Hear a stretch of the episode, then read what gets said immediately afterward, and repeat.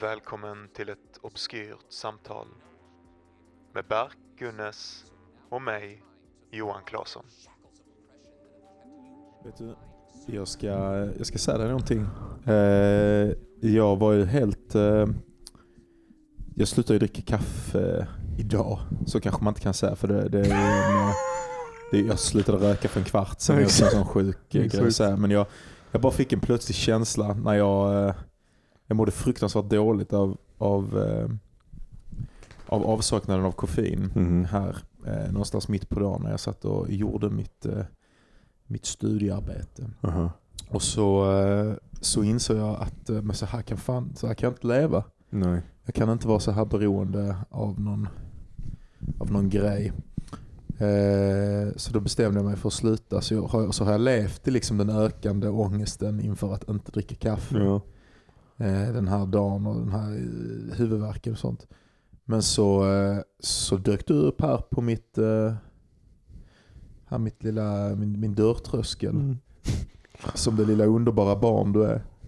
Och jag blev genast på mycket, mycket bättre humör. det bara försvann. Det, I princip så bara försvann det. Och sen så har vi ju varit och köpt massa julgodis för att vi tyckte att det var som vanligt en, en ganska bra idé att sitta och smaska i, i podden Ja, eftersom vi exakt. är nu Mansbarn. eh, var samman på ja, men Consummate Radio Professionals skulle man Precis. kanske sagt om man satte det på sitt CV. vi är så vana nu vid detta att vi, alltså, vi lever helt i någon jävla gråzon av vad som är okej att göra på inspelningar och inte och vi har ingen aning om det. Det är fruktansvärt. Ingenting är okej. Ingenting är okej. Allting, allting är... eh, everything is permitted. Är inte det... eh, vem har skrivit det? Nothing is forbidden, everything is permitted. Eller något Det känns som det är en japan som ska Nej, nej, nej. Det är kanske Alistair Crowley eller någonting. Men jag det- känner också igen det. ja. Jag, jag vet inte heller vad det är. Jag tänkte, för någon anledning tänkte, jag på 1984 men det är absolut inte 1984. Ja, det är tvärtom. Mm. Det, är, ing- det är ingenting som tillåter. Nej, men vad fint att höra att jag har en sån positiv effekt på ditt liv. Ehm, jag var jag lite nervös att komma hit. Är det sant? Ja, det var så länge sedan vi spelade in ju. Det, har vi, det är sant. Eh, vi har skojat här, vi har försökt göra någon, eh, någon inspelning här nu. Eh, och inte riktigt kommit in i det så det blev väl kanske en, en mjuk start här också. Men eh, Vad var det som vi... Eh, Vi snackar om mjölk. Vi har, vi har, vi har, två, vi har två väldigt intressanta samtalsämnen som vi ville att dagens avsnitt skulle handla om. Det första är mjölkproducerande män. Och diskussionen om vem av oss två som är den mest mjölkproducerade mannen. Alltså, eller vem som har viben av att vara en man som producerar mest mjölk. Och jag tror ett ämne som kom upp eh, på vägen till att köpa godis. Vi är två, vi är två ganska snärta, vältränade, unga, fräscha män som bara fick en impuls som man ibland får att gå och köpa lite julgodis. Eh, och eh, under, någonstans under den här resans gång så, eh, så började ett, ett bråk om ehm, Mm, det var ett bråk. det var ett bråk om vem som bäst kanske skulle kunna bära smeknamnet, alltså så här förnamn inom situationstecken mammary gland Precis. efternamn. Precis. Så är det Johan mammary gland Claesson Exakt. eller är det Berk mammary gland eh, Gunesh? Ja, Ganesh. Precis. Eh, och. Jag menar att du är en juicy milker boy. Alltså att, att du är, av alla jag känner så är det du är den som man mest tänker att du skulle kunna kanske sitta hemma spela, jag vet inte vad man spelar för någonting nu för tiden. Vad spelar du för tv-spel? Halo 3. Sitta och spela Halo 3 och så plötsligt så sitter du så här och bara klämmer lite lätt på, eh, på eh, ja, men din, din, din, din, din pectoralis eller vad man kan tänka sig att det heter. Ja, ja. Eh, och, och, och då så kommer det något varmt, lite sötdoftande ut Mm. på fingrarna. Mm. Kletigt rinner mellan, mellan fingrarna och så Mm. tittar du på det och då är det en, en vätska som liksom är vit men blir nästan gyllene i ljuset från din gamerskärm. Eh, och, och där och då inser du att det är du som är en milkerboy. Hon klarar inte av det. Hon klarar inte av att höra det. Grejen är att jag håller med dig om att det finns en viss del av mig som, som känns som någon som hade kunnat producera mycket mjölk. Och Det är bara för mängden mjölk som blev producerad på grund av mig. är så hög. Att den auran är liksom för alltid del av mig. Ja. Och mitt namn och vem jag är. Och sanningen är att jag tycker att du har väldigt koncentrerade bröstvårtor som känns som att de har väldigt mycket alltså, feminina, eh, liksom, alltså så här, någon slags feminin attraktionskraft till sig. Som för mig känns som att det är de som är, det är det som får mig att känna att du Jag har, jag har väldigt små skära bröstvårtor som jag har sagt till dig tidigare. Ehm, men de, jag tänker inte att de är feminina utan att de är maskulina i att de är liksom de är sylvassa, eh, koncentrerade, precisa som eh, någon slags ja, men power tool eller eventuellt ehm, Är det det som är Ja, manliga ett sånt- bröstvårtor för dig? Alltså, ett sånt här eh, diamantverktyg som man, Ja, man använder okej. till att skära safirglas med. Att de har den karaktären. Mhm. Du tänker att det är en, ma- en alltså, här karaktäristisk manlig grej att ha den typen av bröstvårtor som är sylvassa och nästan verktygsliknande? För jag tycker det låter väldigt feminint. Med tanke på att feminina bröstvårtor är funktionella medan manliga bröstvårtor är lite mer estetiskt lagda som mina då. Som är så här, någonting du kan ta på en tavla kanske eller något sånt. Det är tydligen, titta på det, att de inte har ett evolutionärt syfte liksom. Medan din uppenbarligen har det ju. De existerar ju för, för en funktion. Bland annat Eh, är- Dina bröstvårtor är feta och fläskiga som var riktiga jävla honker milkers här. Alltså. Vilket är för mig känns mer som eh, ja, men som att eh, du skulle kunna ha på dig kanske ett, något sexigt hooters-linne. Ja, okej. Dansa runt Ja, och, men det- det- och låta dem Det är ett bra argument. innanför. Så man ser dem, liksom, de är mörka inbillar mig, så man ser dem igenom ditt vita Ja. Hooters-linne.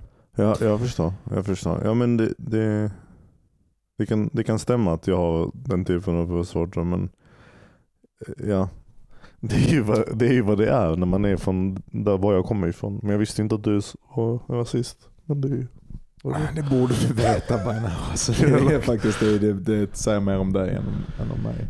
Ja, alltså, det, det, en sak jag alltid tänkt på sen jag lärde känna dig. Det var att du, du visste lite för mycket om Hitler och lite för mycket sådana här...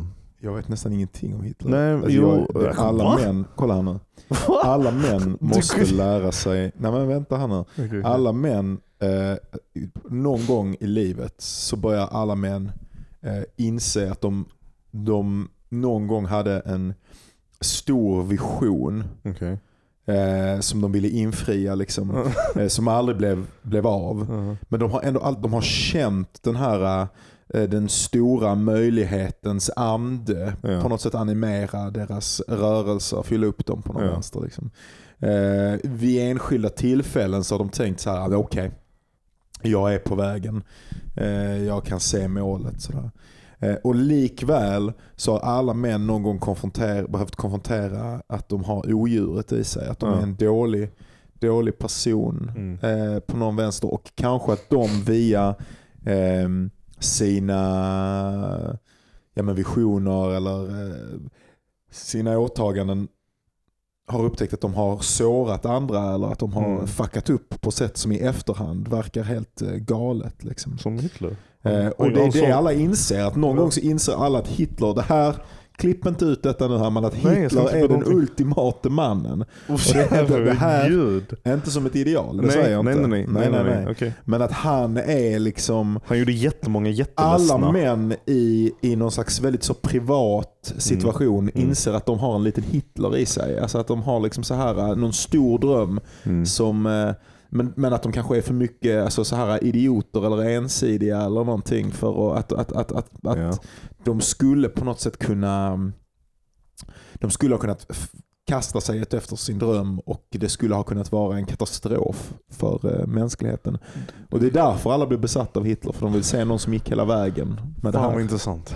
Det där, det, det, skämt åsido så är det ju en väldigt intressant observation att det finns en slags Eh, ett slags ideal att, att, att, att söka sig efter när det gäller prestationen och de fantastiska liksom produktiva egenskaperna som Hitler hade. Och att vi kan söka oss, vi kan söka någonting liknande hos oss alla. Som påminner om, om det lite. Så här, tänker, för det är jätteintressant tycker jag. Att man kan tänka det. Och det finns Jag tror typ, att vi kan få spons från Nordiska motståndsrörelsen om vi skickar ett mail eller sådär? Jag tror det hade varit helt oväntat för många som lyssnar på oss. Men för oss två så hade det känts jättevett. Just det. Och att vi hade känt äntligen att här har vi hittat en grupp människor som, som kan fatta Johan och Berk. Nordiska motståndsrörelsen. Just Vi är det. öppna för förslag. Och på sponsring. Vi har, vi har alltid varit öppna för sponsring. Det spelar ingen roll vem det är. Hur är saker i ditt liv, Bark? Alltså, jag har ju, jag har ju karriärsmässigt gjort jättebra ifrån mig på sistone och är jättenöjd. Du är en rockstjärna. Jag är en jävla rockstjärna. Ja. Nej men jag, jag, jag menar att jag har, gjort en, jag, jag, jag har gjort exakt det jag ville göra. Och mer.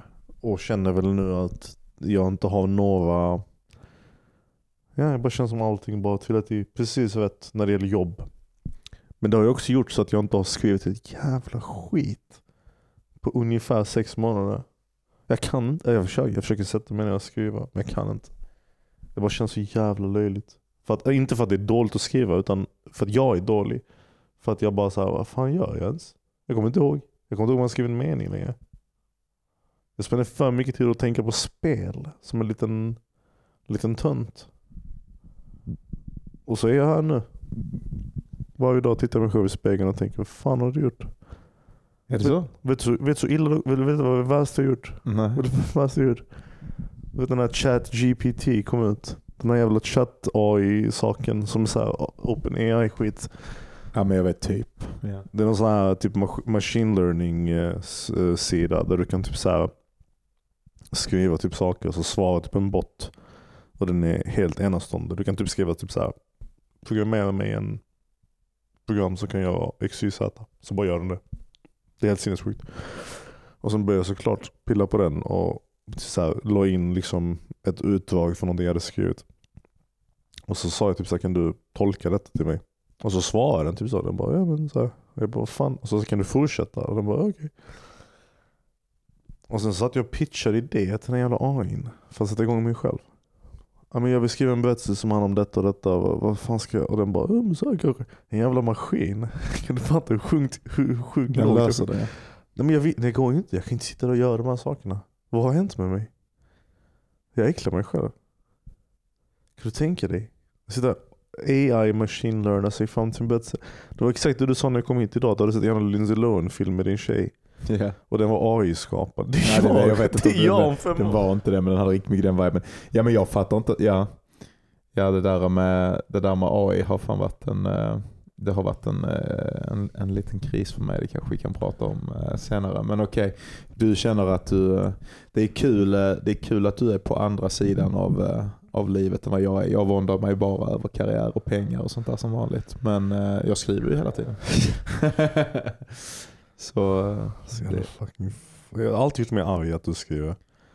Det är vad- största du tjänar, hat. det gör mig arg att du tjänar pengar. Jag har inga pengar. Jag vill Ja ha men pengar. skit i det mannen. Jag Det löser pengar. Det sig. enda jag vill ha är pengar. Alltså, Du, du, du kan ju fucking det löser sig. alltså. Vad, skulle, vad hade du gjort om du hade haft mola? Mo- Jag, vet inte, det jag vet inte ens vad det betyder. Jag, det, jag tror också att det finns liksom en risk. Att, men Men- jag är, jag är verkligen...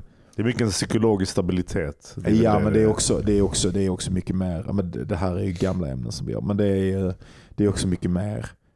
Men det hade inte ens räckt. Jag tror inte ens någon mängd pengar hade räckt för mig. Det är ju alltså en sån här djupt ingrodd gräns som min hjärna vill passera över Precis. in i att bli lyckad inom Mm. något situationstecken. Och vad lyckad betyder, det är ju ja, men, eh, astronomiskt rik, Mm. eh, ett fantastiskt familjeliv, Mm. produktiva, Mm. grymma vänskapsrelationer och konstnärligt uppfylld på samma gång. Det är ju ett, ett öde som i princip inte finns Men jag har en fråga till dig för då. mer än fem personer kanske. Men, ja. Alltså, men, men känner du inte typ att det räcker om du bara om det finns typ en sak som du hade kunnat vara bäst på? Var bäst i hela världen. Inte bara bäst i hela världen men jätte, jättebra. Fucking exemplariskt bra på det. Och så och det är en sak och det är inte pengar. Vi ser, vi ser att det är glöm pengar och jobb och sådana saker. Vi ser det i skrivandet. På det. Jag svarar åt dig. Och sen så får du respons från folk där alla människor som läser vad du säger bölar, gråter och skriker och tycker det är fantastiskt. Hade inte det räckt? Men snälla, Men hade okej, inte det räckt? Jag tror att det hade räckt. Men, men, Måste eh, det vara allt det andra du skrev också? Familj och men pengar? det måste nog vara någonting. Alltså för det som är det luriga med skrivandet är ju att, att det, det finns ju en... Det här är en grej som jag skulle vilja prata med. För jag, jag, jag brottas riktigt mycket med huruvida man ska vara vagt pessimistisk eller vagt optimistisk inför olika situationer. Liksom, eller, eh, det finns en del av mig som är rädd att så här, någon grad av manifestation är åtminstone så psykologiskt sann. Att om man Mm. tror på eh, Det är mer kontroversiellt än Hitlersaken. om man, om man tror på ä- alltså, att, att averageness, det, det här, det här jag kommer säga nu tänker jag är helt okontroversiellt. Alltså som en psykologisk eh, förståelse att om man, om, man, om man tror att det är okej jag fattar. att saker blir average eller rimliga så blir de kanske det. Ja. Och att det, det finns en del av i alla fall som känner att, att, att, att man måste kämpa mot det orimliga Ja. för att komma någonstans. Det är det här jävla eh, sikta mot stjärnorna så når du till månen eller vad fan folk brukar säga när, man var, när jag var barn så fick jag höra någon gång. Eh, men problemet med det är ju att du lider hela tiden därför du kan bara misslyckas Mm. Mm. i förhållande till stjärnorna. Mm. Du kan aldrig bli nöjd på månen. Mm. Jag, jag hör vad du säger. Alltså, jag, jag, jag, har tidigare pratat om det som en slags um, um, någon slags vilja från oss båda två att vara exemplariska på det vi gör. Och kanske exemplariska till en absurd nivå. När jag säger exemplarisk så menar jag verkligen exemplarisk. Alltså Ja, men bästa också- det bästa. Ja, också att, att, att liksom så här, jag menar inga mellan. Nu så är jag ju lite sådär i skrivpedagogivärlden och sådär. Och jag är livrädd för det, för det finns ingenting som, eh, som jag är mer rädd för än att bli liksom folkskollärare. Alltså folksko- alltså så här, jag, jag, när jag tänker på skrivande så tänker jag så här, men jag ska göra någon slags videocontent som ska bli det största i världen. Eller jag ska vara någon slags eh, så här Slavoj Zizek-figur eller någonting. Någon som Ja. liksom gör populär, alltså ett hard theory men, men som har en, en populär räckvidd Ja, och som ja. rör skrivande och som på något sätt gör folk som inte är intresserade Mm. av skrivande intresserade av skrivande som Mm. ett sätt att leva livet. Och göra det. Alltså jag har helt, helt orimliga narcissistiska fantasier Ja. om Det eh, var det här är på väg. Liksom. ja, ja. På ett sätt som är, inte alls sammanställer, eh, så, så, så, inte sammanstrålar med verkligheten. Och som jag också inte, alltså jag är ju helt enormt inkapabel till att gå utanför mina mina räfflar, så att hålla många bollar i luften samtidigt, som till exempel att producera media vid sidan av att skriva, är, jag är helt inkapabel till. Jag kan Mm. vara på ett spår, jag kan Mm. göra en sak Mm. i taget Mm. på en räls. Liksom. Eh, så att det, det, det finns liksom nästan ingen chans heller att de här sakerna manifesteras. Mm. Men samtidigt så är jag rädd för att säga det. För det känns som att när Ja. jag säger det så har jag bestämt vad framtiden blir. Liksom. Det är någon slags hoppets död. Jag fattar vad du menar. Grejen var att när, precis innan du sa att din stora rädsla var att bli någon slags um, folkskolelärare typ. Så tänkte jag helt ärligt i mitt huvud. Har Johan varit bra som en slags folkskolelärare? Vad jag, vad, jag men, vad jag tänkte var snarare detta egentligen. Jag ska, jag ska korrigera det en aning. Jag menar inte egentligen folkskolelärare. Vad jag menar är att alltså du, du är vältalig, du har ett intresse för skrivande, du har en utbildningsskrivande nu. Det är inte helt orimligt att du hade haft skrivarkurser exempelvis eller pratat med folk om skrivande på en professionell nivå inom en snar framtid. Det för mig är vägen till eh, den Slavoj Zizek liknande karaktären. För att Slavoj Zizek började ju också som en liten chump som pratade med kompisar om filosofi och så vidare. Och sen utvecklade sig till detta. Du kan inte hoppa till det högsta det, det, av allt. Det här är ju såklart sant. Det här är såklart sant. Men jag, är, ja, jag vet inte. Jag, vet inte. Jag, jag tror att jag har någon omöjlig... Det är, det är sant. Det är sant. Det kanske är så jag borde tänka. Men jag är så... Och, men, men, förlåt. Förlåt. Nej, Ja, men säg vad du ska säga. För jag tänkte säga att vad du gör då, det är att eh, folkskollärare Johan, han är exemplarisk på sitt jobb. Fattar du? Alltså det han gör är, det alla andra folkhögskolelärare Johan som finns i världen, de suger kuk jämfört med Johan Claesson som är den bästa av den bästa av den bästa. Till den nivå att folk söker sig efter folkhögskolor Johan. Och sen växer det och växer det och växer. Det är så det funkar. Kanske. Du siktar högt på det målet du är på och sen automatiskt så bara... Kanske. Jag svär, jag svär på gud mannen. Det, ja. Därför att, det- varför jag säger det är lite för att det är typ det som hände med mitt jobb exempelvis. Jag, jag bara gjorde mitt jobb jättebra. Till någon sa, men fan kan inte han göra det här också? Så gjorde jag det jättebra. Och sen så var det någon som sa, men det, kan inte göra det också? Och så vidare och så vidare. Så växer det bara. Men så spenderar man många år och tänka typ så, fan vad nice det hade varit att vara i den här positionen och göra den här saken. Men hur fan hamnar man där? Jag vet fan. Det går inte. Det måste ske typ så stegvis på något konstigt sätt. Ja. Och kanske Leksand lärde där också att det är så skrivet det borde vara. ja, det är klart. Alltså, det här är ju... Vet du vad vår curse är? Nej. Det är att vi fucking försöker skriva roman. Alltså vi- den här romanen, den här... Det här har du pratat om så många gånger. Det är Men det enda jag är intresserad det av att det. skriva. Därför att alla vi känner, tänk på alla vi känner och det är två som, är, som börjar komma upp i författarvärlden. Liksom. Du känner kanske lite mer än två, men jag känner två. Som börjar komma upp i liksom författarvärlden. Och vad fan har de gjort? Ingen av dem skrev en jävla roman som var fantastisk och sen blev de hyperkända. De, de gjorde små skitsaker och små saker och fa- upp på spoken word och sånt skit och sen så sakta, sakta, sakta, sakta, sakta, sakta, sakta, sakta, sakta så blev de fucking någonting. Och vi är såna fucking chumps, såna motherfucking chumps som tror vi ska smyga oss till toppen. Men det här är också en så jävla... Fuck det. Det är en så jävla konstig inställning också som du har. Eh, Ja, som är att ja, men det, man ska hålla på med grejer som man egentligen inte är intresserad av. Jaha, eller eh, man ska, nej. man ska hålla på och vara så konstigt pragmatisk. Alltså så här är det också. Tolkar Att du om mig du så? inte är men det är exakt det du säger. Att om du inte, om du inte eh, så här, det, här, det här har jag alltid trott och det här står jag för. Det finns väl vissa som bryter mot detta men rent generellt så tänker jag att om du inte är intresserad utav deckare så kan du inte skriva deckare Mannen, det är Alltså, inte det jag säger. Nej men det, är, men det blir de facto alltså att hålla på med en massa andra så här små projekt och små grejer och sånt. Alltså någonting som inte kommer. Jag tycker inte det heller, jag håller med dig. Kanske en gång i tiden har du rätt att jag tänkte så. Jag tror Okej. vi har pratat om det tidigare, att det stämmer att jag tänkte att vi borde skriva några deckare och något bullshit. Jag fattar vad du säger, det är klart man inte ska göra det. Men, och exemplet tar upp är en poäng med de exemplen är inte att de gjorde det som vi borde göra. Jag menar bara att processen de gjorde det med. De gjorde små steg i taget, det är det vi inte har. Och det, och det är det som, som vi tror, borde göra jag tror också. de vill vara där du är. Du, jag tror du är på ett softare ställe. Det är bara du har kvar den här fantasin, titeln, författare. Alltså det, är den, det är den som geddar boys. Alltså. Eller, och, och tjejer också såklart. Men det är den här eviga vara författare som Mm. lurar folk. Det är fan... eh, Du är ju där. Du är ju på eh, rälsen för att fucking leva ett eh, gott och enkelt liv som är kreativt. Det är väl för fan, det är väl för fan bara det det handlar om. Förolämpade du mig precis eller inte? Jag fattar inte. Nej, det var verkligen ingen förolämpning. Det var motsatsen. Alltså att du, eh, alltså det här med att bli författare, det är ju speciellt när man gör sådana här små grejer och sen så får man då en massa gig och hålla på och åka runt och, och göra ett, ha ett sånt här hopplocksliv. Ja, det, är väl, det är väl så att man måste göra det, eller det är väl också precis som du säger att man måste börja där. Men jag tänker att du är på så jävla mycket rälsen för att få ett gott, enkelt liv. Och det här enkelt här är något positivt. Jag menar, jag menar enkelt i att du inte behöver oroa dig över hyran. Ja, liksom. Eh, och ändå vara i sfären utav kreativitet. Och du är liksom på, på, på rälsen för att kunna få lov att ägna dig med storskaliga kreativa projekt. Liksom. Okej, jag fattar. Och, då, och det är lätt för mig då att säga de sakerna, är det det du menar?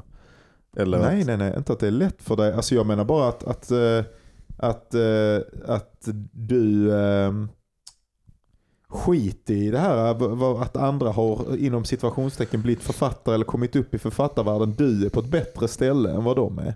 Ja, okej. Det stället de är på är ingenting. Ja fast jag, du vet att jag inte tycker det. Därför att du vet att det inte är det som är poängen liksom.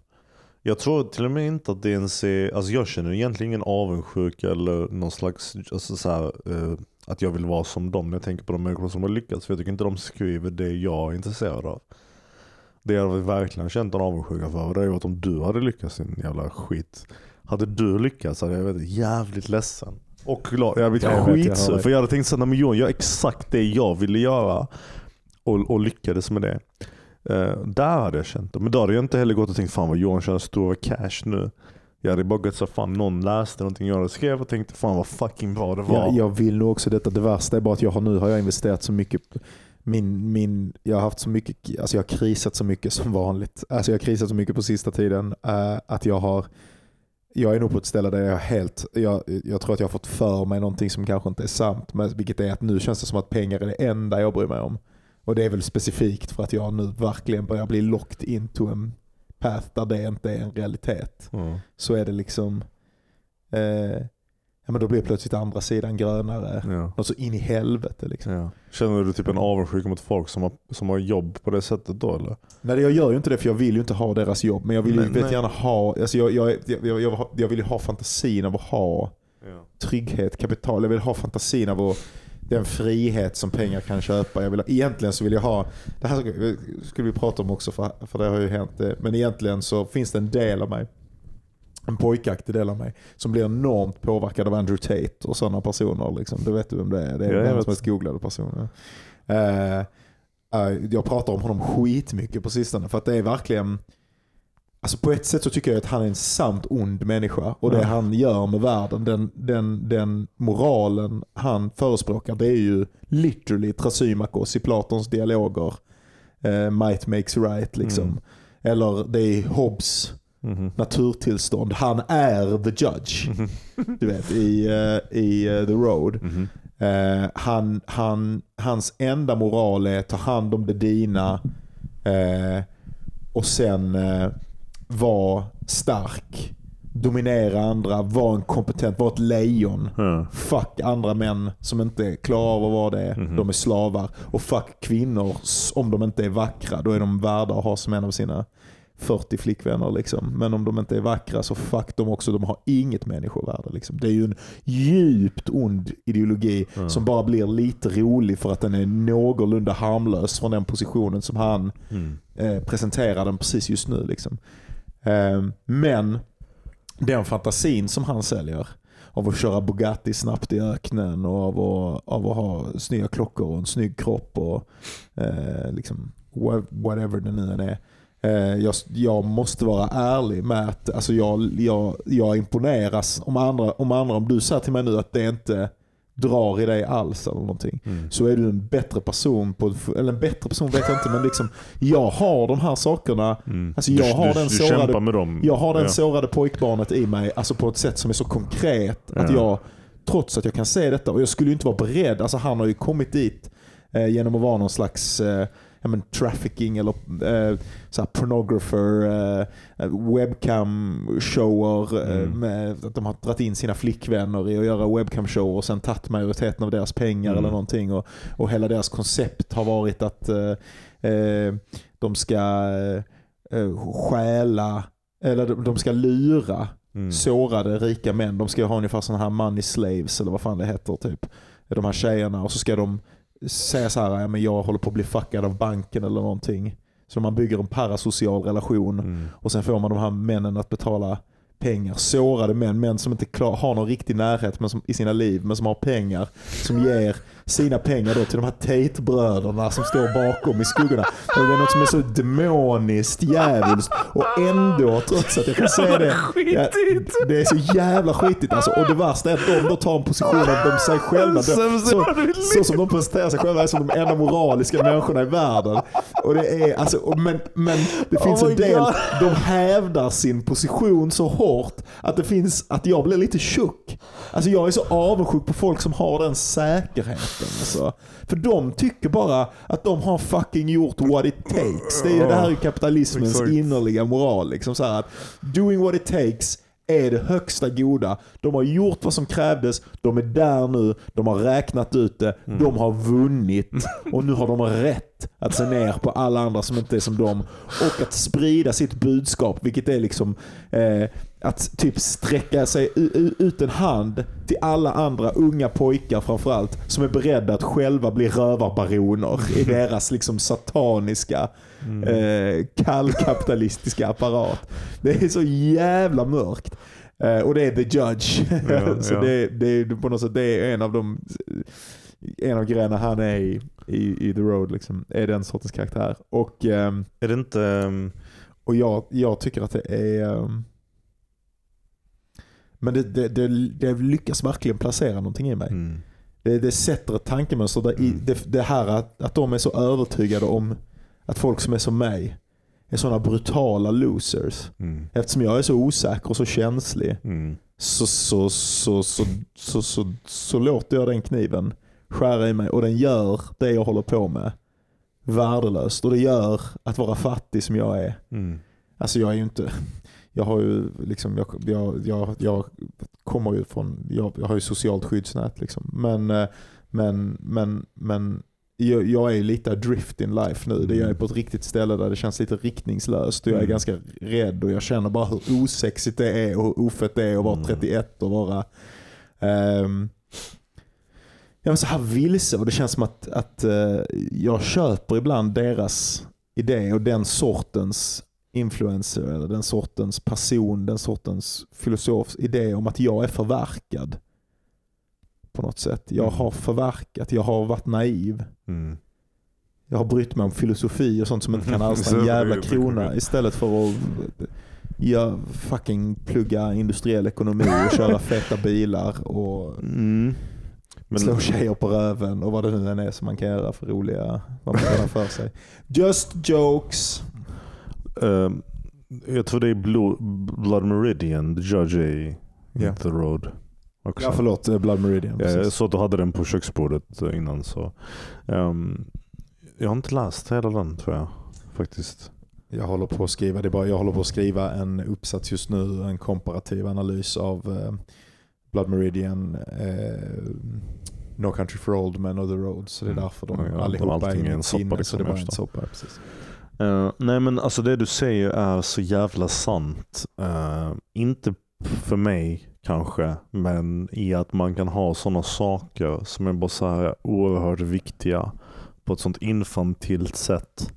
Där man känner en sån typ konstig... Jag har nog känt så typ tidigare när det har varit exempelvis folk som har haft som har legat med jättemånga tjejer exempelvis. Och Det är en sån efterbliven sak att eh, bry sig om. Men jag tror många känner igen den som kille åtminstone. Ja, att, att det är så här, typ, det finns en snubbe, man känner en kille som typ så här, alla tjejer, han är med alla tjejer, han är med tjejer hela tiden. Och sen så bara har man antagligen inte det eller så justifierar man det genom att säga att det är inte det livet jag har valt eller den vägen jag vill gå. Men innerst inne så finns det en sån Så liten... vet man att jag tog Ja. den. Jag har inte tagit den vägen för jag kunde För inte. jag Den kunde, fanns exakt, aldrig där. exakt, exakt, exakt så. Eh, och det, det är helt fint och det erkänner det tror jag. Och speciellt med sånt jävla monster som Andrew Tate. Vilket, när du beskriver, du har så jävla sätt att beskriva de här sakerna på som får mig verkligen sätta de här sakerna i kontext. Men fan vilken jävla mus han är. Alltså, hur kan den göra? Det är Alltså, det är det ondaste. Det du sa om de här, alltså det var så jävla hemskt. Ja, ja, visst. Och, visst. så, och sen ännu värre i kontrast om man tänker på hur, han bara, hur glada och, och, och rika de är nu och går runt där och är så jävla... De har, de har bara klart det. De har förstört Ja. alltså, så många liv och de Ja. är så fucking obrydda inför det. Ja, De tycker, ja men de här jävla losersen, de var också män i det Mm. stora, i det, på den stora stridsplanet som är livet. On the, on the battlegrounds of life så har de här eh, förlorarna, maskarna, Mm. vågat visa sina ansikten för oss. Och vi har tagit till varenda knep Mm. för att förstöra dem. Och Mm. nu ska vi festa på våran yacht. Och det här, det här har varit en sån jävla kris. Det här, vilka, jag pratade med en polare om detta för några dagar sedan. Men det, jag har varit i en sån riktigt konstig depression på ett sätt som jag inte har varit tidigare. Därför den har Mhm. varit så um, men filosofisk eller någonting till sin natur. Och för mig så har kriser alltid haft väldigt mycket att göra med identitet. Mhm. Alltså att, men typ så här, vad ska det bli av mig? Varför tycker inte de tjejerna som jag vill ha om mig? Varför tycker inte, vad det nu än är liksom. Ehm, men den här har varit så existentiell för den här har verkligen haft att göra med att ja, men onda människor som kommer undan Ja. lider verkligen inte. Nej. Alltså det är, och det är, det är vare sig det är liksom och det, det, det på något sätt har bundit samman det här med mitt favoritämne, pedofiler. Liksom så här, att jag, nu kommer det igen som vanligt. Men det, att jag, jag har, jag har liksom tänkt så jävla mycket på detta i, i samband med att jag har läst sådana loggar och sånt på Dumpen. Alltså hur jävla, hur jävla mycket de bara skiter i vad de gör. Mm.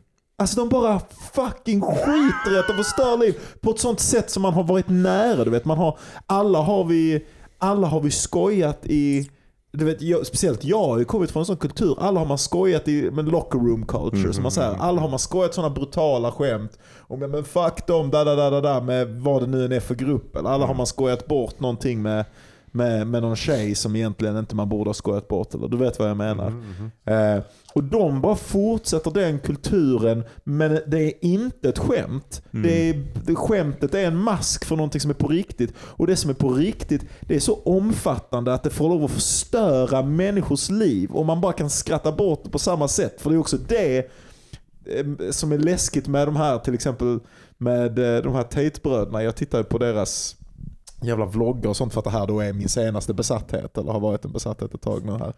Ehm, klassiska autistiska specialintressen. Eh, och och de, de är ju så... Eh, alltså de är ju fruktansvärt charmiga och roliga.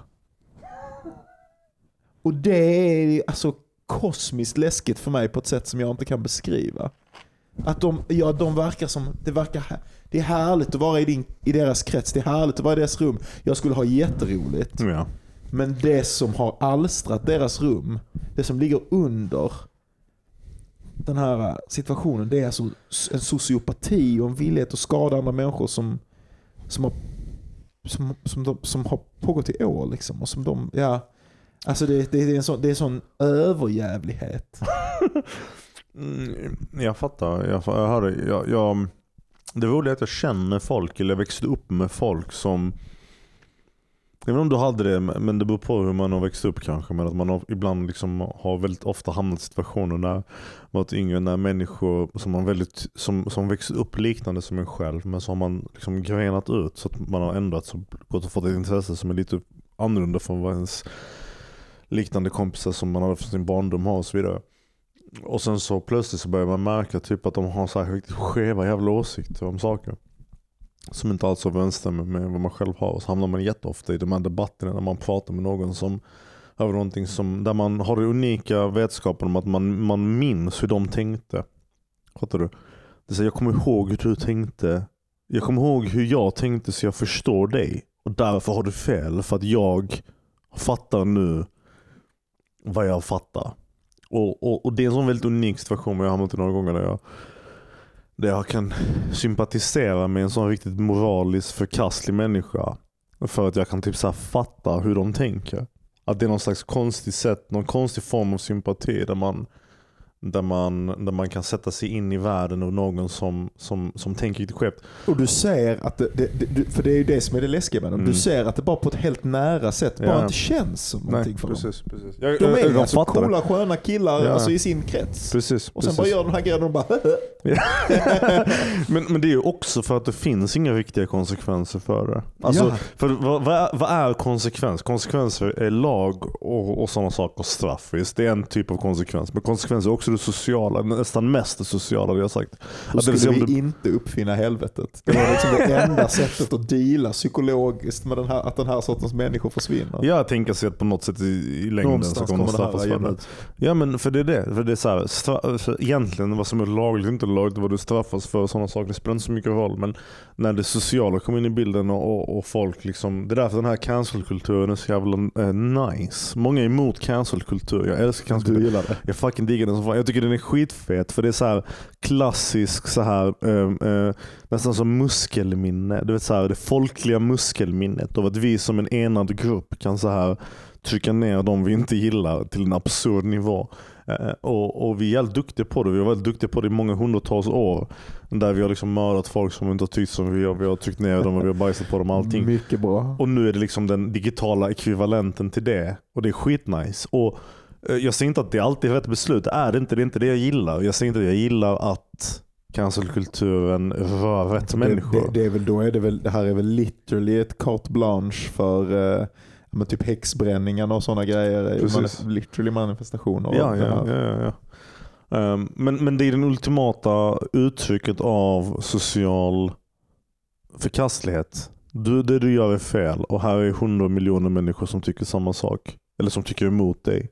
Och vad som händer dock i, i det samhället vi lever i idag, det digitala samhället, det är väl att det finns lika många som tycker en sak som det finns åt andra hållet och alla håller kanter. Så Andrew Tate, han, umge, han umgås bara med människor som, som håller med honom. Eller som, som diggar vad han gör åtminstone. Så konsekvenserna kan aldrig nå honom. Det är där det ligger i klämmen för mig åtminstone. Det är så här, han, han kan inte veta att han gör fel. För att ingen, ingen ser till honom att han gör fel och alla som ser, ser emot honom är bara någon slags brus i bakgrunden. För det finns så många som håller med. Men den dagen alla Andrew Tates följare börjar tänka, vad gör du mannen? Alla. Då plötsligt så slutar det vara någonting som är okej för honom tror jag. Om man inte är en jävla psykopat. Ja men det, det, det är väl det han är liksom, tänker jag. En psykopat? Ja visst. Kanske, Alltså, jag tror men inte är det, är det inte- det du lätta svaret liksom? Jo men jag tror att det finns eh, alltså en, eh, en extrem mängd psykopater. Alltså vad menar du? Du, du skulle ju inte kunna Alltså tänk dig att du skulle börja försöka, att du skulle börja övertala diverse flickvänner att, eh, att eh, men, eh, bli eh, sex workers, eh, Mm. åtminstone liksom på cam. Och prata på det sättet som han, var, ha, få en massa folk att vara nära honom och prata på det sättet som han gör om kvinnor som liksom fundamentalt eh, underställda eller whatever. Och, eh, och eh, ja men liksom eh, och göra det här som vi sa med de här männen, liksom bara vara så beredd och bara förstöra andra människors liv och tycka att det var en härlig, rolig grej och att de här förtjänade det för att de var så fucking fundamentalt svaga, vilket i deras moraliska system är eh, ja, men den största synden. Liksom. Mm. Det är också så på det sättet som de är eh, en eh, eh, McCarthy-karaktärer. För det här har också intresserat mig jävligt mycket med dem. Att, och, och, och den här likställningen mellan dem och eh, många eh, karaktärer i McCarthys universum. För jag tror att han skriver om vilket problem ehm, icke-moraliska agenter med en kod är. Ja, ja. Ja, Alltså att, de, att det de är, de har en extremt strikt kod, någonting som liknar moral. Och kanske de själva skulle till och med säga att det är moral. Och kanske är det moral, vem är jag att säga att det är moral? Men det är någon helt annan, en väldigt annan typ av moral än vad jag skulle känna igen mig. Vad som känns som den moraliska sanningen som ligger i djupet av min själ. Och deras moral är svaga förtjänar av slavar Tycker blir du, trampade på. För de pratar också om det, you deserve to be a slave. Ja. Om, du inte blir, om du inte blir rik i den här tiden. När det finns så mycket pengar ute på internet. Om du inte räknar ut och bara går full force into någon konstig jävla krypto eller, eh, eller eh, någon internet business eller någonting och bara se till att bli rik. Mm. Då förtjänar du att trampas ner och dina ben förtjänar att malas till damm under den stora maktapparaturens larvfötter. Tror du inte undantaget till den filosofin är specifikt The Road? På ett sätt där det inte finns en sån Jo. under moralisk karaktär på det Jo. sättet. Eller inte moralisk Ja, men det, är, det är också lösningen på, det är det här tesen som jag driver. Jag tänker att det är lösningen på eh, det problemet som McCarthy har stått inför. Vilket är, eh, vad är den moraliska mannens plats i världen? Hur ska, det, hur ska, hur ska man, om man känner att det finns en moralisk sanning, förhålla sig till att världen bevisligen bara belönar de som klarar av att gå bortom det moraliska? No country For, for, old men. men. Det, och det är vad den handlar om. Liksom. Den handlar om, om, om, om eh, Blood Meridian handlar om vad som händer när män, eh, eh, män i grupp ut, och kanske framförallt utan kvinnor, för jag tror det är väldigt viktigt att kvinnor inte deltar i Blood Meridian. Där jag driver den här tesen också i min uppsats. Att, att det står tidigt att hans mor dog i barnasäng. Mm. Så The Kids mor dog i barnasäng. Eh, och, eh, och så står det He has a sister in this world whom Ja. we will never know. Ja. Eh, det Där är- kastas de kvinnliga liksom. Ja precis, där eh, kastas, där kastas kvinnan som en viktig närvaro Mm.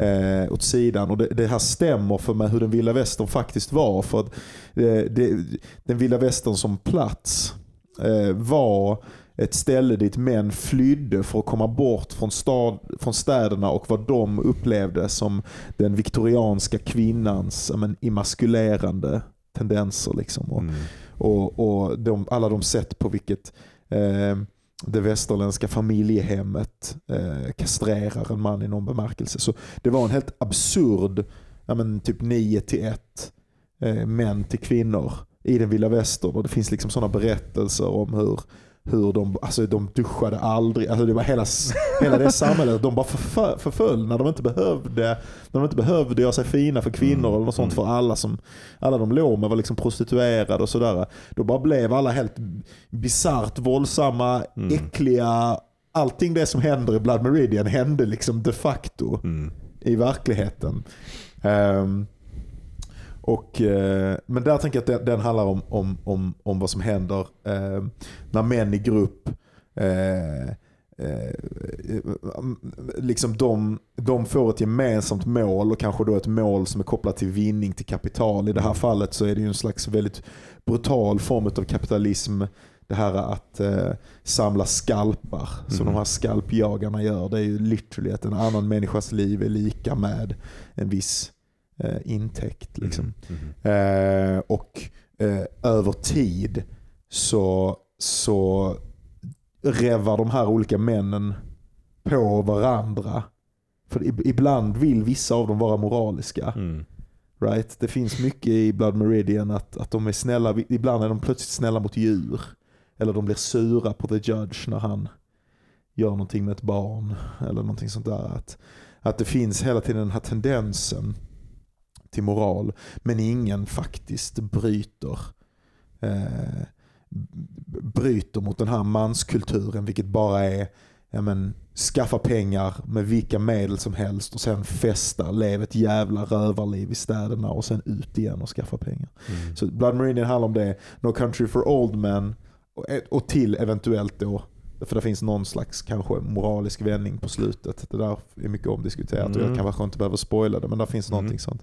Eh, Blood, eh, no Country for Old Men handlar då istället om eh, insikten att den här gamla amerikanska idén om character och ja, men, en god, eh, wholesome typ av manlighet och familjeliv.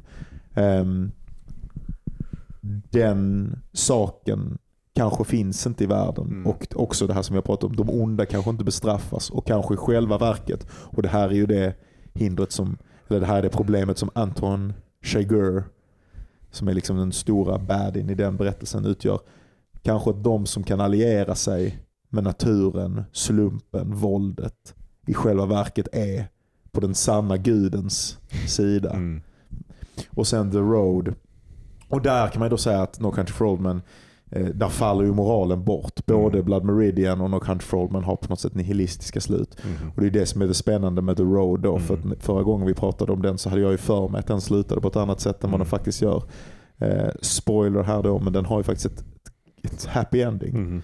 Eh, där den här, det är en far och en pojke ehm, som, som är i någon slags postapokalyptiskt landskap och går på jakt efter eh, Eh, ja, men de, ska, de ska någonstans, pappan har tuberkulos eller något sånt där och de, de, ska, de, de, de ska go west eller go east, jag kommer inte ihåg vad det är. Um, och de har någon idé om att det finns andra människor som är goda där borta. För alla människor där de är, är med typ kannibaler och våldtäktsmän och alla möjliga sorters onda. Liksom. Um, och, på, och det är ju bara genom att låta hoppet eller moralet, moralen fortsätta att existera på någon vänster trots att det är emot deras överlevnadsintressen. Alltså att inte bli kannibaler, att inte göra de här grejerna. Mm. Som pojken på slutet Mm. kan hitta människor efter att hans pappa har dött. Han skickar ut honom i världen utan att Precis, veta vad som precis. händer med honom. Och där hittar pojken fler människor jag, som har kärleken och eh, omhändertagandet och sådär Jo. som sin tendens. jag, jag undrar lite om, om nu när du pratar om The Road och jag tänker tillbaka på jag läste den och både sett filmen också nyligen. Som är mindre barn, jag minns den även om det är ett fantastiskt soundtrack för övrigt. Det är Nick Cave som har jag vet, jag vet. Eh, och det är att du pratar om den här, den här onda, onda mannen som har en, en, en väldigt tydlig, vad sa du tidigare? Sa Kod. något, kod ja. Det var inte en moralisk kod, det är en kod de har. Och på ett sätt så är det lite som att The Road är en, en carrying of the torch berättelse. Alltså en överlämnande av en typ av filosofi till en annan typ av filosofi. Och när, när, när du pratar om den som en sån berättelse där eh, karaktärerna liksom försöker gå emot det som de uppfattar att världen är ond och så vidare och hitta någonting positivt. I slutet av det så tolkar jag det mer som att jag tror, jag tror pappan är mycket av en, av en pessimist och en lögnare. Alltså att han, han, han tror inte riktigt på det han ser i sin son tror jag. Så tolkar jag det. Att han, han ljuger mycket för sin son om att det finns någonstans där borta någonting positivt. Ja, det tror jag också. Um, och, och det är inte förrän han dör som sonen faktiskt kan bli fri från pappans lögner och hittar det positiva. Wow, så här läser jag inte den alls. Okej. Och men om jag får förklara vad jag menar med det, det är att mycket av vad pappan gör i berättelsen, det är att säga att det finns en, en, en, en, en, glöd i dem. En glöd i vissa människor som är den man ska söka sig efter. Men gång på gång i berättelsen så visar han eh, att han inte litar på någon. Och till och med de som senare i slutet hjälper sonen är han rädd för Ja. och vill inte komma nära på något sätt. Ja, men det här är, för det här är ju McCarthys position. Mm. McCarthy är djupt pessimistisk. Han är djupt, eh, han är djupt tveksam Mm. till det moraliska funktion överhuvudtaget Mhm, mhm. tror jag. Jag tror han är en, en old man Mm. som har sett att det här landet, den här verkligheten inte är för honom. Mm. Men att han i sin son Mhm. ser det Jesuslika löftet Mm. om frälsning. Att det är någonting i barnet. Mhm. Liksom, det här är ett superklassiskt tema, men det är ju, han är ju en väldigt klassisk författare, McCarthy. Att han, han, poängen är att han inte, det är inte heller det att han helt och hållet ljuger. Han tror inte på det, men han, han kämpar ändå. Du vet, han, han, han, han, han kannibaliserar inte. Han gör inte de här jävla grejerna. Ja. Han, han tror på någonting by extension. Och det är det som är det viktiga när, när han möter den här andra gamla gubben. Eh, den här siaren Mm. som han möter någonstans i boken. Och, eh, där pappa säger I, I, I don't know why he do, do what he does. Liksom. Jag Mm. vet inte varför han gör det han gör. Eh, eh, varför han är som han är. Men han bara är det. Han Mm. pratar om, om, om sin son. Liksom, att han bara, men jag ser fan en godhet Mm. i det här barnet. Mm. Jag ser den godheten som jag har inbillat mig inte finns i världen. Okej, Eh, för jag och- tänker och- att han, han försöker skapa den godheten i sin son.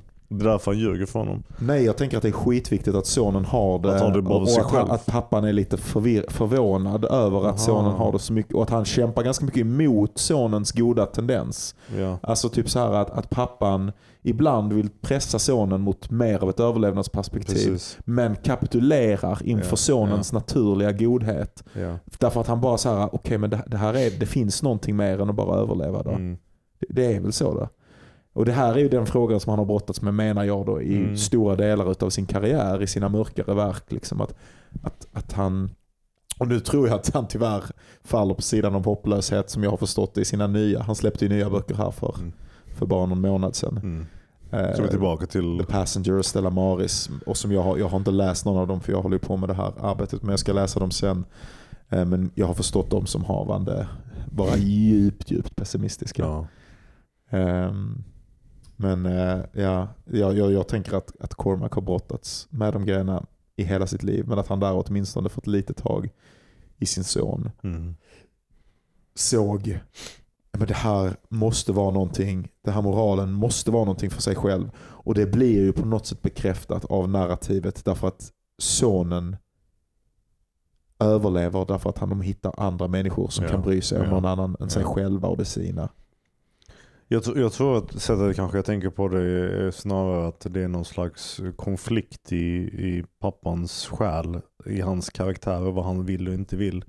Att han kämpar mycket med eh, vad du beskriver som den här förvirrelsen kring vad sonens faktiska godhet är för någonting. En del av det är att beskydda den och hålla den alltså, levande och det gör han genom att inte komma in i de här hemska banorna som resten av civilisationen verkar ha hamnat i. Eh, men också att samtidigt veta att om han fortsätter åt det hållet så riskerar han att hans son ska hamna i fara. Vilket är flera gånger ju poängen med varför han vill att han ska lära sig skjuta och jaga och, och hålla sig undan från folk och sådana saker. Och att det är den eh, balansen mellan att väg, eh, välja väg så att säga. Ska man 100% gå åt det hållet som är vad sonen representerar på ett sätt och 100% åt eh, det andra hållet som är motsatsen. Och jag tror lite vad jag menar med att, hur han, att, han, att han är en lögnare, att han är en, en, en det att han, han är innerst inne en, en sann, alltså en, en, han känns som en sann pessimist. Han känns som en människa som i sina handlingar i boken bara har noll tillit till någon annan. Eh, Ja. och, och verkligen är, är livrädd för allt som är världen. Liksom. Ja, det tror jag verkligen.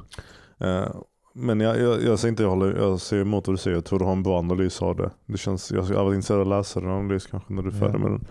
För att det var det lite någonting. Det är, en- det är up in the air just nu. Det, är lite, det, Ja, ja, det i ett lite krisartat tillstånd. Du läser det. Jag, jag har läst uh, No Country och sett filmen såklart. Jag tror till och med att filmen, manus, manuset är samma som boken. Det är typ exakt samma.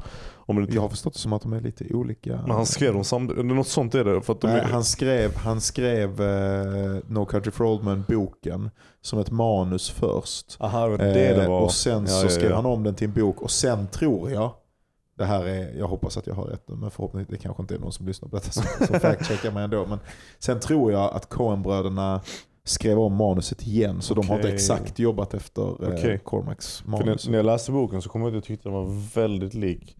Han skriver ju på ett väldigt sätt, ett sätt som är väldigt så här, matter of fact. Så det, det, och filmen är ju exakt så också.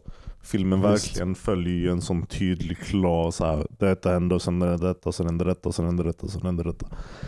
Eh, och sen har jag läst The Road såklart flera gånger och älskar den. Men eh, har inte läst Blood Blood Meridian. Meridian är det bästa av allihopa. Ja alla säger det, eh, men jag, bara, jag, jag, jag kom bara är inte lite in i det. att komma in i. Ja det är det, det kändes svårt att komma in i början. Men jag är lite så, jag, jag vill läsa om alla de här hemska sakerna som, som alla beskriver Ja, men det, är också, det är också att Judge Holden är den coolaste, alltså det är en av de bästa karaktärerna Ja. i, någon, i någonting någonsin. Liksom. Det är så här verkligen, ja, jag vet inte, jag vet inte vilka, vilka de super, det är ju Miltons Mm. djävul liksom. Och så här. Mm. Jag vet inte vilka de Mm. jättelegendariska karaktärerna är. Jag älskar den typen Ahab. av, jag älskar den typen av, av typ så här mänskliga, eh, eller förmänskligade varianter av sådana mytologiska väsen. Typ som, lite som, har du sett säsong ett av Fargo? Um, Tv-serien. Eh, nej. Vad Fan har du inte? Fan du har gillat det. Där är ju liksom ant- antagonisten typ djävulen.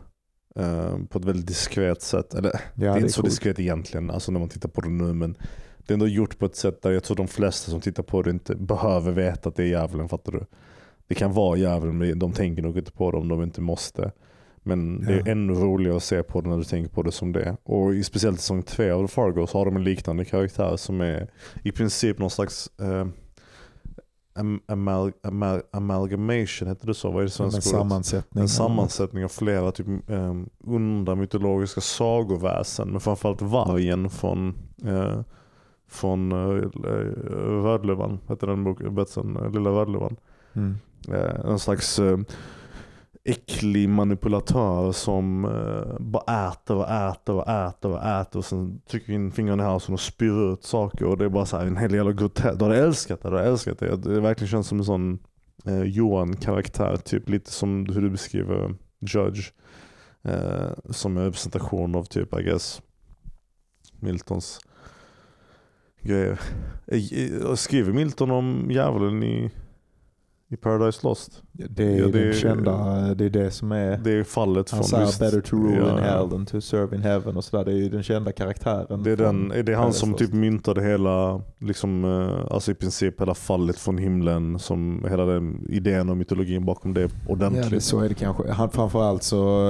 så eh, Paradise Lost, visst? Paradise ja, Lost, jag ja. såg det. Framförallt så uppfann han ju den här äh, djävulen som en charmör. Liksom. Mhm. Han är ju känd för att han då, att djävulen är, han gör djävulen till the most compelling character Mm. in the biblical story. Att djävulen är liksom ascool.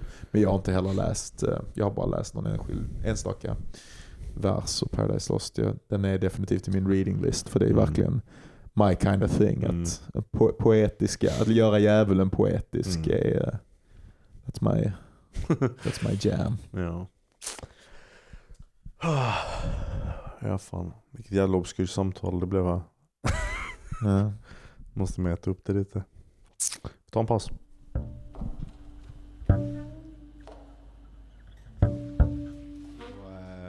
Så ehm, hur tänker du med...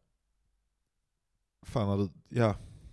Så egentligen så vill jag prata ännu mer, jag vill fatta ännu mer vad, vad du är nu, för du är på så mycket det här andra stället än vad, än vad jag är på. Jag är så jävla intresserad nu och tänker så mycket på den här frågan som jag var inne på och nosade på med, med hur man ska hur man ska förhålla sig till mål Mm. och, och förväntningar och sådär. Jag tänker, vad tänker du på nu? När du, alltså, är det du bara du är så inne i jobbet att det inte ens är en fråga om mål och förväntningar och sånt för närvarande? vad? Mål, förväntningar inom vad? Nej men alltså för det var det här med, med manifestation liksom eller whatever. Att, ehm, eh, jag menar tänka på men ska, man, ska, man, ska man låsa något i sitt sinne Mm. och sen gå efter det som en jävla frustande varg liksom? Mm. Eller, eh, eller ska man försöka att eftersträva menar, att vara lycklig i ögonblicket? ja. Att vara lycklig i sin process där man är. Eh, att vara oberoende av resultat. Att vara realistisk. Alltså ska man vara realistisk med sina mål? Jag har fått för mig att det finns liksom forskning, åtminstone har jag läst den här åsikten mycket, att, att en del av anledningen varför depression och sådana där grejer är är on the rise i den här postmoderna eh, världen Ehm, det är att alla har så extremt höga förväntningar över vad livet kan bli. Därför att man tittar på de här videorna eh, och det här content med människor. Förr så var kändisar Mhm. helt någonting annat. Ja, ja, De såg inte ut som människor som man kände, de klädde sig på ett helt annat sätt, de var glamorösa, de var, de var en annan sorts varelse och även om man suktade efter det så fanns det liksom ändå någon, det fanns någon slags mur Mm. mellan en själv och dem. De var någon slags halvgudar liksom. Mm. Men nu så är det, man har sett så många berättelser av folk som bara går från relative obscurity till, och bara som ser bara ut som dig och är liksom lite bara fula eller vanliga eller whatever det nu än är liksom så här.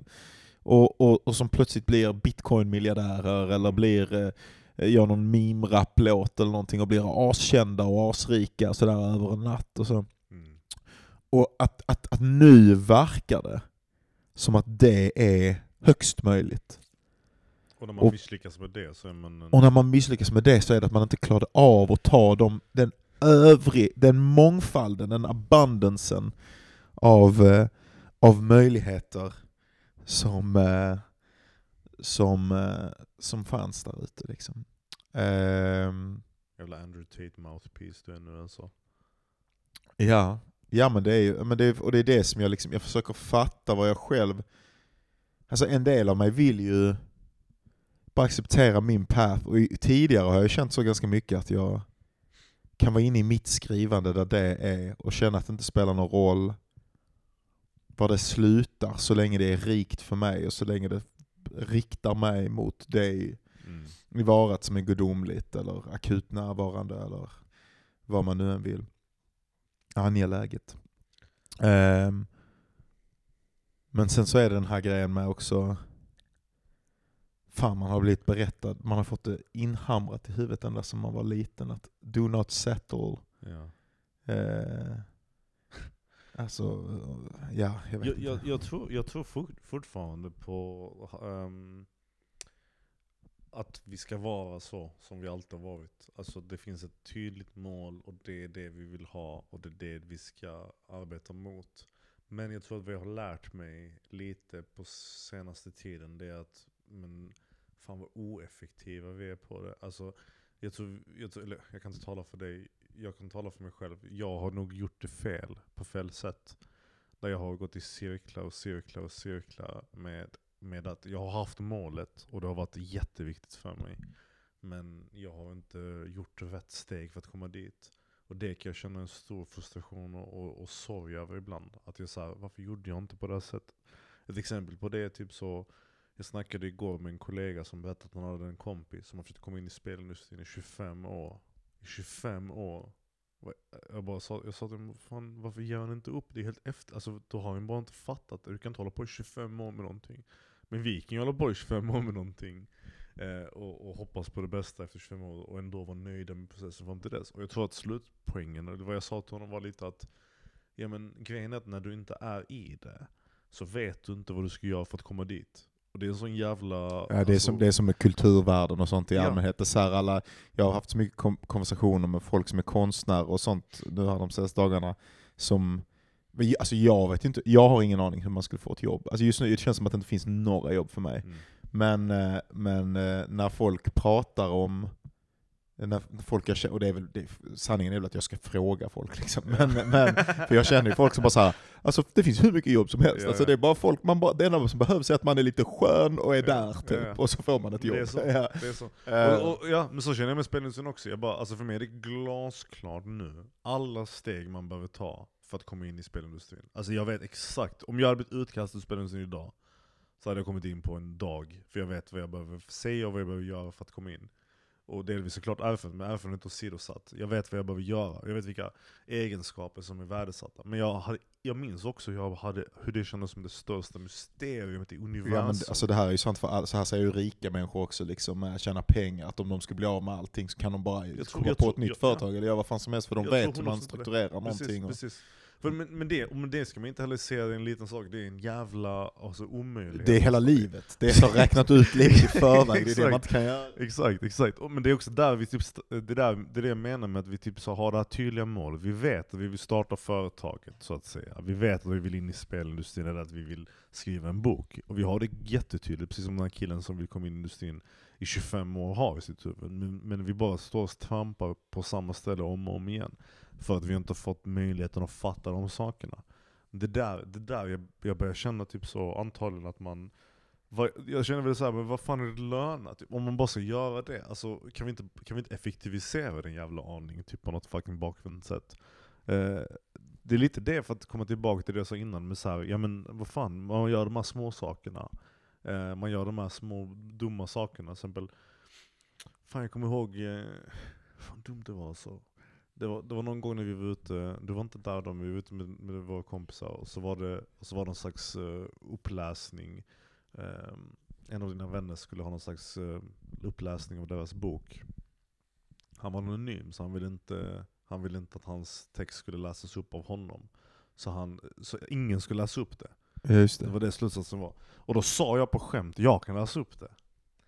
Jag kan gå upp och läsa upp det, sa jag. Ingen vet vem, vem, vem jag är. Jag Ja. bara gå upp där, mitt framför alla och läsa upp det. Och jag var så nära att göra det. Jag kände det i hela min kropp. Jag, det, var sån, det var en sån eh, fork in the, du vet så här, Jag visste att om jag hade gått upp och gjort detta bra, så hade det, jag ser inte att det hade lett till någonting, det tror jag inte, men det hade gett mig en slags Wow, det är första gången jag gått upp på scen och gjort någonting på det sättet. Jag vet att det hade varit en fork in the road för mig. För mig personligen. Men jag vågade inte. Så jag checkade ut och gick därifrån och så sa jag nej men jag, jag vill inte. Eller någonting. Jag hittade på någon ursäkt och stack därifrån och gjorde inte det. Det är väl det. Det är väl så här, det är väl det. Det är väl det. Här har man målet, här har man vad man vill komma. Och ibland får man de här små stegen dit som man hade kunnat hjälpa en att komma dit. Och så gör man inte det för man är en liten idiot.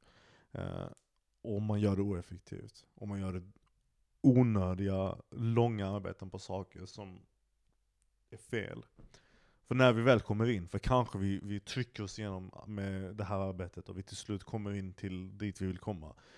När vi tittar tillbaka kommer vi att tänkt jag kunde ha gjort detta när jag var 22. Om jag inte var dum i huvudet. Tills jag var 40. Men som du sa, det är kanske det också som är livet. Att det är det som är processen. Att fatta det. I don't know. Ja. Samtidigt tycker jag det är fett kul att vara den, vad du beskrev den vargen som. Ja men det är det, alltså, frågan är inte om det är kul eller inte. Alltså frågan är bara, för mig, alltså, jag, jag sa var vargen som fradgar runt munnen liksom eller någonting. Men, men ehm, för mig så är det ju bara associerat med så fruktansvärt mycket eh, lidande därför att också min, men det är också kanske att jag inte har en enhetlig vision. Alltså jag är inte nöjd med att vara författare bara, utan jag vill vara författare och rik och, eh, och kanske också kognitionsforskare och kanske också den som kommer på något nytt teorem som revolutionerar världen och som samtidigt skriver en hel, rätt bra diktsamling och ett par grymma romaner. Och sådär. Att det finns liksom någon slags Leibniziansk fantasi i mitt, eh, eh, någonstans långt bak i mitt, eller inte ens långt bak, det är liksom överväldigande. Och det som jag oroar mig över och det, fuck, egentligen vet jag väl svaret på detta för det är verkligen förekommande i, i den här typen av andlighet som jag ägnar mig åt. Med att man måste bara släppa det. Och om det inte kommer tillbaka efter att man har vågat släppa det så var det liksom aldrig värt att ha. Eh, och det tror jag jag sagt på den här podden också. Det, jag har haft den insikten många gånger men nu är jag ju verkligen långt också ifrån, jag upplever att jag är långt ifrån min egen andlighet. Eh, sen ett tag tillbaka igen. Eh, att jag är väldigt i världen, i det materiella, i Mm. en ny ålderskris liksom, som verkligen inte låter mig vara på det stället som man måste vara på för att befinna sig i, i mening. Liksom. För, för, för mig känns det som att svaret lite, kanske, det är att du behöver vara du behöver ägna tid åt att vara bäst på något nytt. Men jag är inte det. Ja, jag vet. Kanske. Men som nu, nu så, för jag ser om, om jag var Johan Claesson, vad jag hade gjort. Är det en grej som jag inte Kör hårt man. Du pluggar litteraturvetenskap nu. Mhm. Jag hade, jag hade jag, om jag var du hade jag gjort, tagit allt, all min fokus jag har, varje millimeter av fucking Johan och hans kapacitet. Och jag hade fokuserat på att stenhårt vara den absolut bästa i ditt fält. Alltså exemplarisk. Den bästa och den bästa. Den folk pratar om. Den de ser, jag läste någonting som han skrev och han hade den analysen och han gjorde detta och detta. Och han måste göra doktorandtjänst, vi måste, måste, måste ha honom. Den typen av hyperfokus som du kan ha över vissa saker.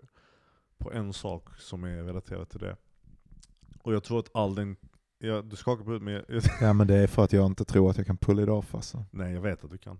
Ja, men alltså, det är inte som att jag inte försöker med min uppsats just nu, men jag bara Ja, känner, alltså, jag känner mig så extremt begränsad av vetenskapligt språk, jag känner mig extremt begränsad av formen, jag känner att det här är ett meningslöst fält därför att AI kommer kunna göra det typ imorgon. är det den krisen du ville på? Ja men det är det också, alltså jag har varit eh, riktigt, ja, det är ju också, det har aldrig funnits en så konstig tid för liksom universitet, alltså det kan, jag fattar inte ens vad, det kommer ju typ inte finnas universitet, humaniora om fem år, eller jag vet inte vad, för därför det kommer vara omöjligt att falsifiera huruvida en uppsats är skriven av en AI eller av en människa och AI-uppsatser är bättre än de flesta människors uppsatser därför att de flesta människor skriver formuleriskt, och i något avseende så vill det enda de här jävla institutionerna och grejerna tränar en till att göra det är ju att skriva i den här pseudovetenskapliga stilen. Mm.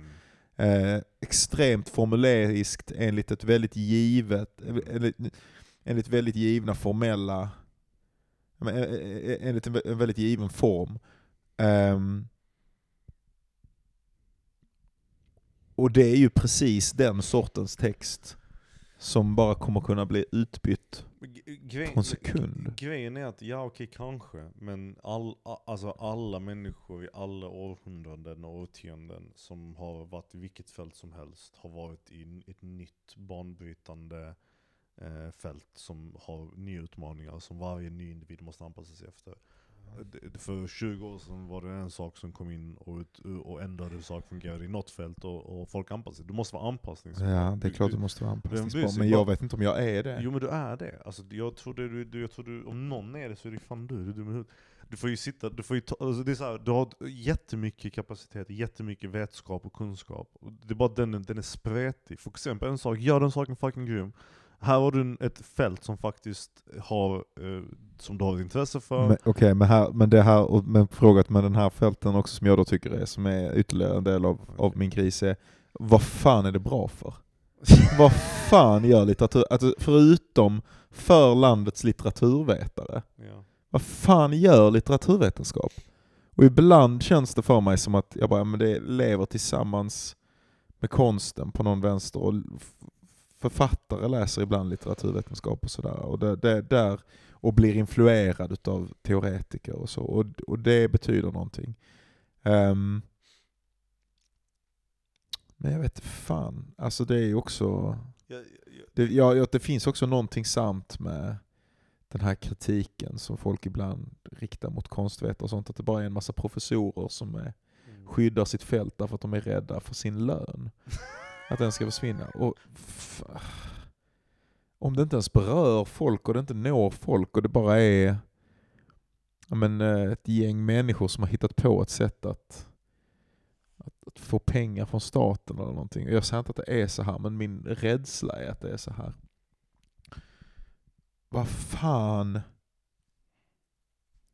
är det att göra med ett liv? Eller jag, jag vet inte. Alltså att det... Känn, okej, så, här, det här, det här, så här känner väl jag. Känner du, är du en sån typ av människa som, du vet, jag ska förklara det. Uh, när, när, jag, när jag pluggade teater så hade, var det vissa människor i min skola som kände typ så här. Teaterhögskolan gör inget för oss, sa de.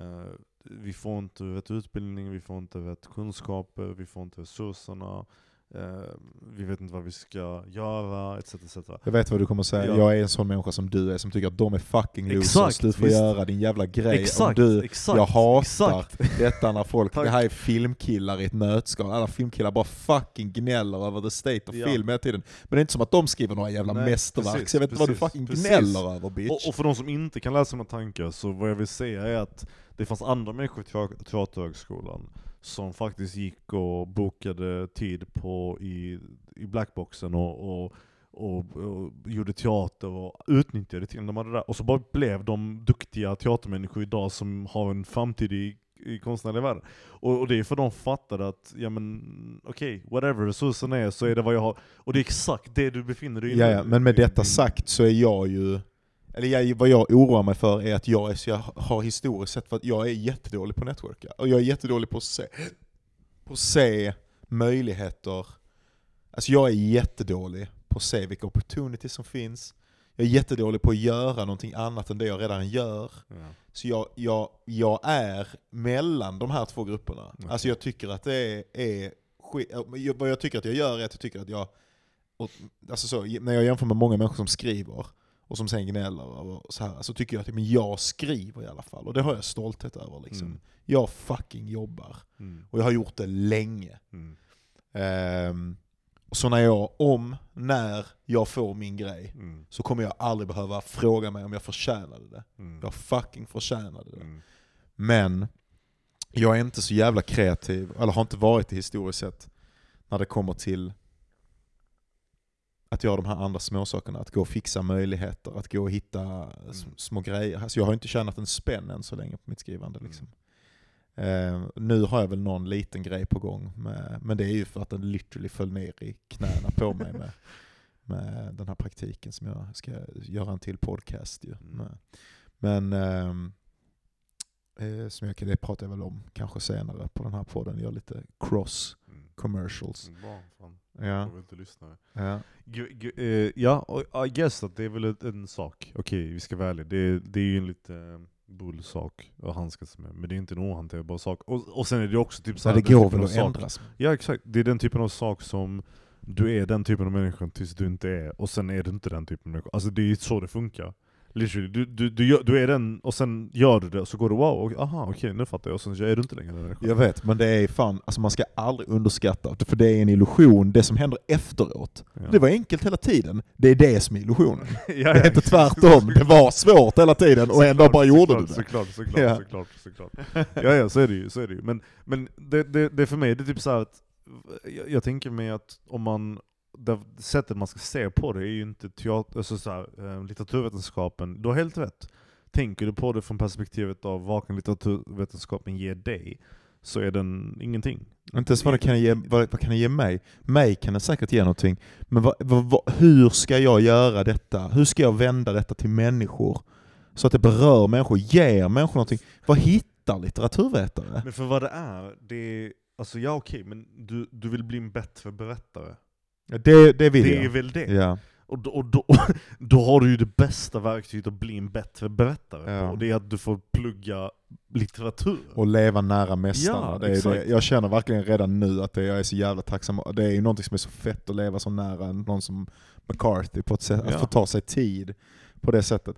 Ja det är väl bara det, det är väl bara det. Man får väl hoppas att ens jävla litteratur är värt något för någon, någon dag då. Och sen att det här, allting annat är mellansteg för att komma till den platsen att man en dag kan skriva den jävla skiten som man har försökt skriva nu i så fruktansvärt många år. Ja. Och sen innan det så, eh, lära ut, eh, konsultera. Alltså du är en frilansare mannen. Det är det du är, det är det du kommer bli. Det finns inget annat du kan bli.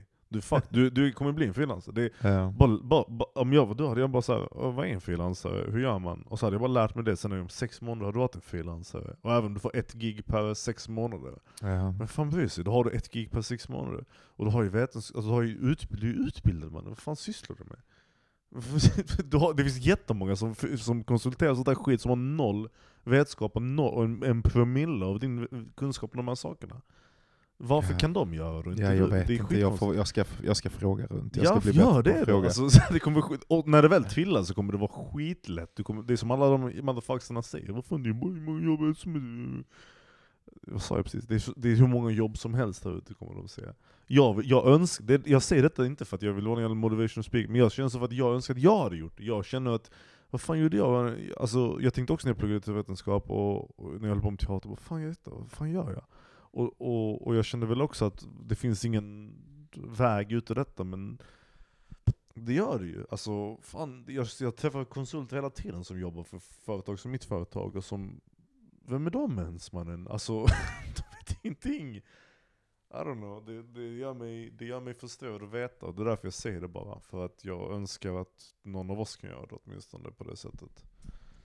Ja ja, jag får väl försöka. Jag ska börja fråga. Det är väl det säger Ella också hela tiden, min tjej. Att, eh, det är, att jag ska, måste bli bättre på att be om hjälp. Att jag har så mycket Jag har ju ett, alltså ett enormt kontaktnät med folk också som gör det på olika... Jag inte, hur kan du säga att du inte kan networka när du har Ja. det? Att det Nej, ja, men jag, ja, men jag, men jag kan inte göra, ja jag vet inte. Jag vet inte hur man gör, eh, hur man gör för att be eh, om hjälp kanske. Jag, vet du, jag var, någon gång så blev jag bjuden till, alltså när jag var liten så var det massa sådana, pedo- ja, fan jag måste varit pedofil, jag vet inte vad det var med dem. Det var massa, det var massa snubbar, massa äldre snubbar som ville, ville typ göra saker med mig. Alltså, det lät helt fel.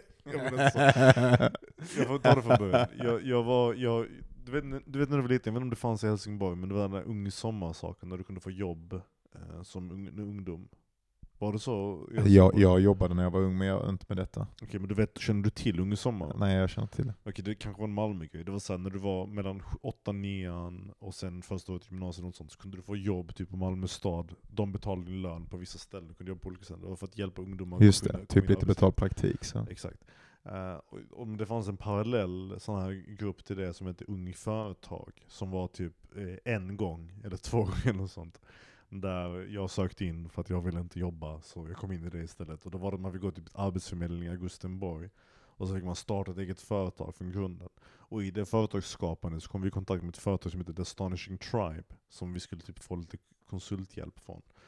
Och de tyckte om mig när jag var 15, så jag, de bjöd in mig till någon slags sån här företags eh, networking pissmög. Där man hade känna en snubbe med en hatt och en tjej som var gravid. Och de två groomade mig till någonting i framtiden. Jag vet inte vad det var, men de skulle göra mig till någonting. Och det hände flera gånger att det var sådana äldre män, skumma äldre män som var typ 35-årsåldern. Och deras gravida tjej som typ som typ ville ha möten med mig när jag skulle sitta och, typ, och så satt vi och drack kaffe och pratade och så, och så försökte de typ, jag vet inte vad de ville göra, de ville, de ville typ göra någonting.